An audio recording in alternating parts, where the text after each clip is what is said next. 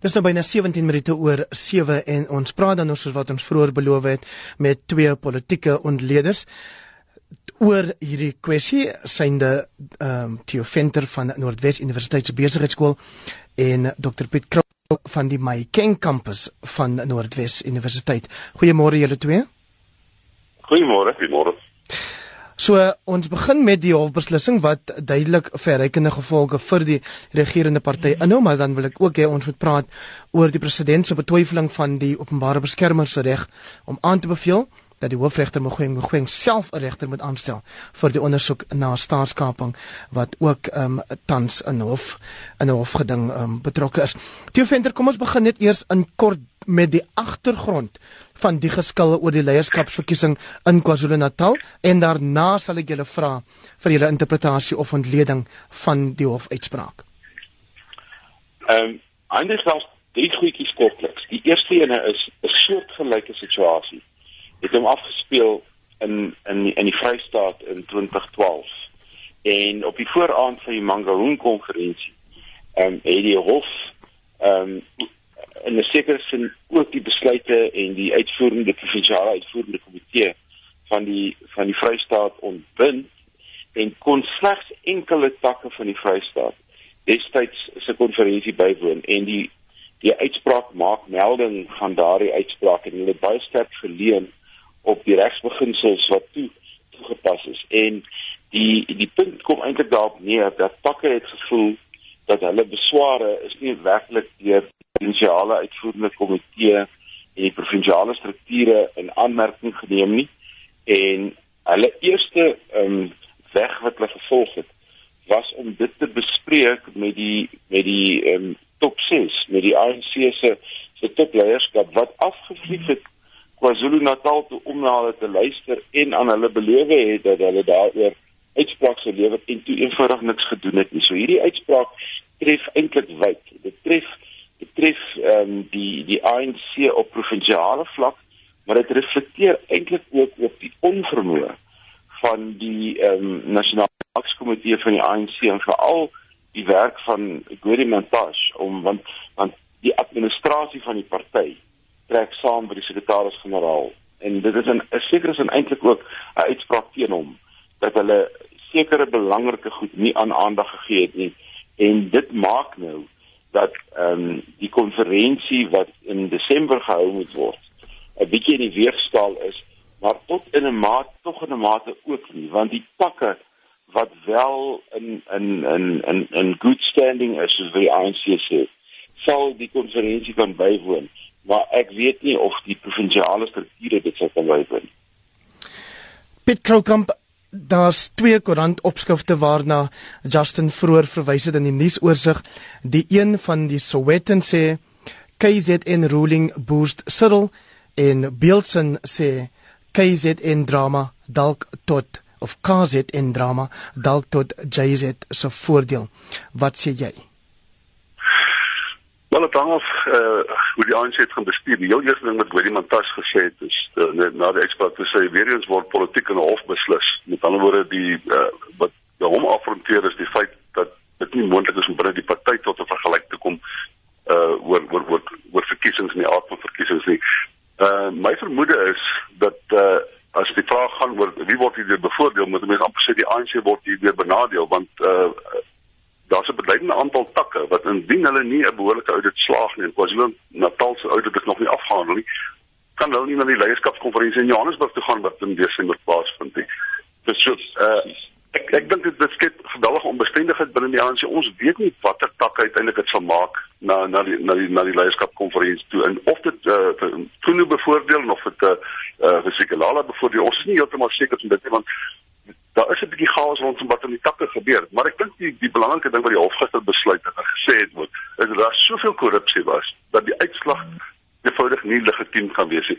Jy gesien in die hofsaak die die uitslag is as dit ware per SMS uh rondgestuur lank voordat terwyl die stemmery nog aan die gang was. Met ander woorde, dit is voor die tyd besluit wat die uitslag sal wees. So daar's soveel korrupsie dat ek dink die ANC kan nie 'n behoorlike audit doen van wat gaan in en wat gaan aan in die takke nie.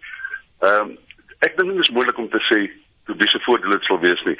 Uh dit hang af hoe die ANC nou reageer. Laat hulle die tak toe of laat hulle die provinsie toe om na die na die na die uh, uh, na na hoër hof te gaan, na die appelhof te gaan of besluit om 'n herverkiesing te hê of besluit om die ding intern te besluit. Afhangende van daai besluit kan jy sê die word byvoorbeeld. Ek ek wil baie dit aansluit. Ehm um, die die almal sê nou die nasionale uitvoerende komitee wat nou einde September sit, gaan nou hieroor moet besluit, maar hulle is net so verdeel. So uh, in daai opsig wil ek met Piet saamstem, die verdeling hier of die of die onderlinge ehm um, vorming is so is nou so diep dat ek twyfel of die nasionale leierskap ook hierdie ding sal kan bereg. KwaZulu-Natal Theo Venter is die ANC provinsie met die meeste taklede, is dit nie? En uh, ja, hy hy dra omtrent tussen 20 en 25%. Dit beteken alle afgevaardigdes, ja. Dit beteken noodwendig dat wat daar aan die gang is, sal 'n uitwerking hê op die eerstens dalk die moontlikheid dat die nasionale konferensie plaasvind of nie plaasvind nie. Ja, as ons weer terug gaan na Mangaung toe, tydens daardie konferensie het die ANC verteenwoordigers omtrent of die afgevaardigdes van KwaZulu-Natal het 'n blok gevorm van tussen 20 en 25%. Dit is groot, dit is massief.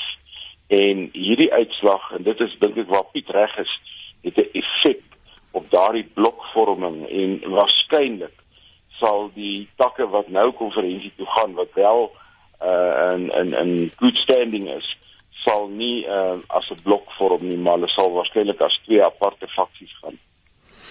Piet Kroukamp is die gebeure daar in KwaZulu-Natal met die leierskapverkiesing op provinsiale vlak 'n voorspel vir wat in Desember verwag kan word? Wel, kan seker in 'n mate in sin van as jy die die onbestendigheid wat daar plaasvind ekstrapoleer na Desember toe, maar jy moet ook onder ons het onlangs die die beleidskonferensie gehad, Tannie. En by die beleidskonferensie het uh, ek dink uh, ek raai rondom 3000 mense was daar. Dit is altyd moeilik om af te kom wat die ANC sê hoeveel mense was by die beleidskonferensie, hoeveel afgevaardigdes. Daar was sienema was rondom 3000 gewees en hulle het ook uit die takke uitgekom. En my verwagting is dat die meeste van daardie mense gaan weer na gesig wys by die leierskapskonferensie in Desember.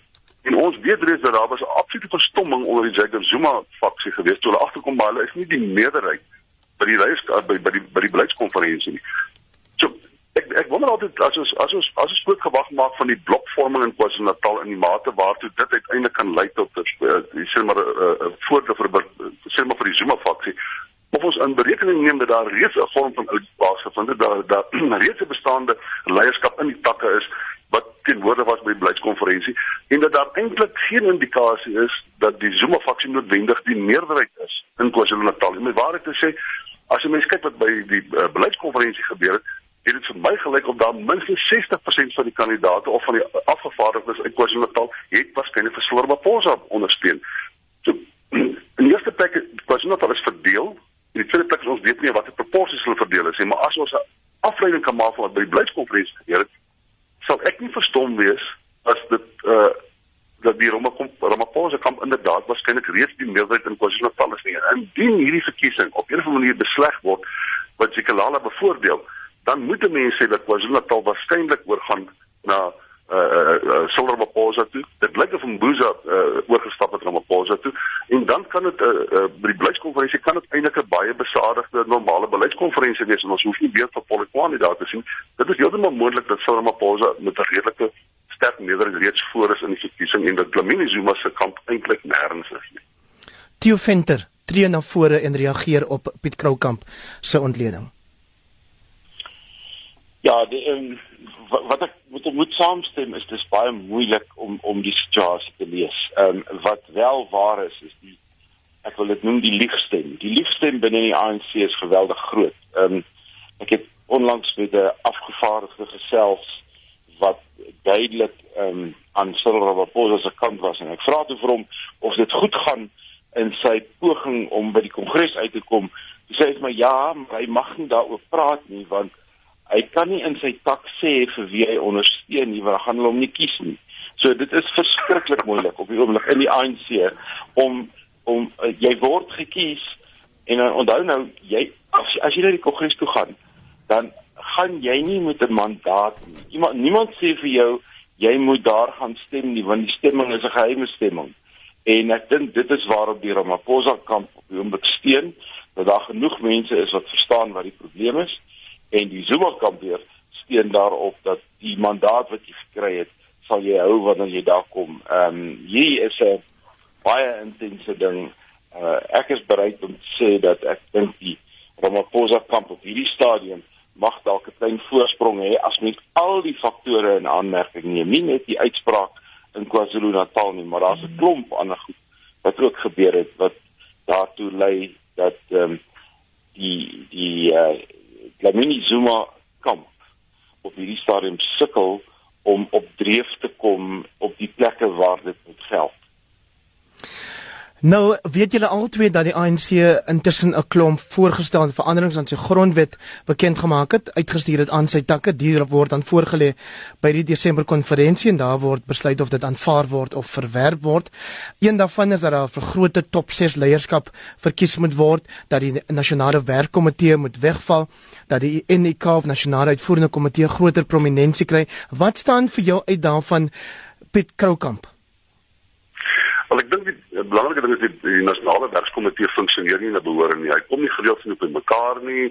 Hy kan nie op 'n uh, uh, uh, uh, uh, skielik by mekaar gebring word nie. Dit kom by die mense kom uit verskillende areas uit en in 'n poging om noem dit nou maar die bestuur meer te sentraliseer, om dit meer dag tot dag te maak. Maak dit sin om ontslae te raak van die werkskomitee en om uh, die die uh, die die top 6 uit te by na sê net maar 12 of 13 posisies toe. Jy sien hulle het dit ook baie baie byråkraties gemaak daar sou iemand wees wat kyk na uh, menslike hulpbronne, daar's iemand uh, kyk wat na ekonomiese sake. Met ander woorde, dis 'n tipiese regeringsstruktuur wat hulle wil vestig uh, uh, uh, binne in die toerie. Die probleem is natuurlik dit kos geweldig baie geld. Ons weet uh, die elke lid van die top 6 kry dieselfde salaris as 'n uh, as 'n minister in die stadium met die ANC bitter bitter min geld.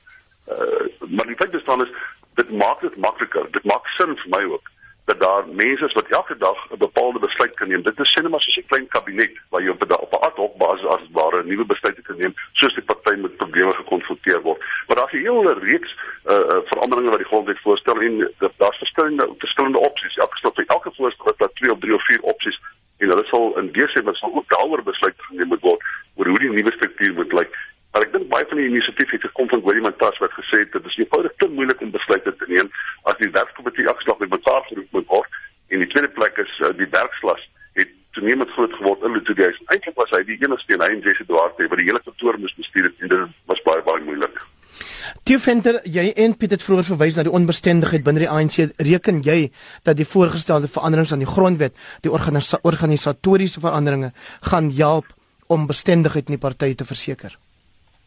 Wel ek sien twee goed as ek deur die hele ding gewerk het. Ek sien in die eerste plek pogings om strukture te skep wat uh wat uh, akkommoderend is. Met ander woorde as daar nie net 'n top 6 is nie, maar nou skielik 'n top 12 of 'n top 13 of 'n top 14, dan kan jy meer mense akkommodeer ook van die ander kant af, want dit is dis die posisie waarheen die ANC gewoonlik uh heen dryf. Is om is om nie hierdie verdeeldheid so te dryf dat almal of dat mense vervreem word nie, maar dat jy ook die ander kant akkommodeer. Dis duidelik in hierdie strukture daar. Die tweede ding wat vir my baie duidelik is, is die uh, herorganisering en die beter organisering van takke en streke in 'n poging om die om faksievorming op die laagste vlak beter te kan hanteer. So ek dink die twee faktore wat die ANC so gedryf het die laaste jaar of 4, naamlik faksies en verdeeldheid. Ehm um, dink ek wil hulle met hierdie struktuur eintlik ondervang uh om dit beter te maak. En uh, uh dit is met ander woorde hulle gaan in die nasionale konferensie eers die grondwet moet wysig sodat die verkiesing daarna in terme van die nie aanvaarde grondwet kan plaasvind. En dan dink ek word dit skielik makliker om by hierdie ehm um, verkiesingslysies, die sogenaamde sluits verby te kom want dan daar's meer ruimte vir mense om in werklikheid deel te vorm van die topstruktuur. Ons sit er verstreke maar ek gaan tog die redakteur Wessel Pretoria se arm draai dat ek asseblief net vir julle vra vir julle reaksie op die die feit dat daar nou ehm um, deur die Reservebank inligting bekend gemaak word wat daarop sou dui dat advokaat Bosisiwe Mqobani die openbare beskermer met die presidentsie en staatsveiligheidsagentskappe sou saamspan teen die Reservebank. Die EFF sê nou Dis vir hulle aanduiding dat dit 'n groot fout was om haar te steun as nuwe openbare beskermer. 'n Een sin reaksie van julle albei asseblief. Wel ek gesê die DA wat is wat gesê het sy's 'n spioen was nie ver verkeerd nie en ek dink die enigste bate wat sy gehad het naamlik haar integriteit en haar onafhanklikheid het sy verloor. Uh Piet Ja, ek dink mens net versigtig wees uh, voordat mense oordeel vel uh, ek bevoor die nota waarna verwys word, die handgeskrewe nota wat verwys na noem dit maar die vulnerability van die reservebank.